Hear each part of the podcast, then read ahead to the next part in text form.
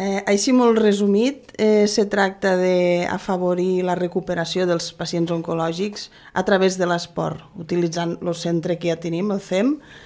i, i bueno, gaudint de tots els beneficis que pot aportar l'esport precisament a les persones que estan patint aquesta malaltia, que per desgràcia són moltes. A veure, l'esport va bé per a tothom, però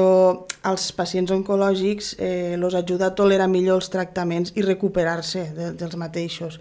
si tens un bon estat físic, tens bona massa muscular, densitatori, òssea i el sistema immunitari també el tens en forma, doncs se toleren millor els efectes de secundaris dels tractaments com la quimio, la ràdio, la immunoteràpia o, o inclús les intervencions quirúrgiques.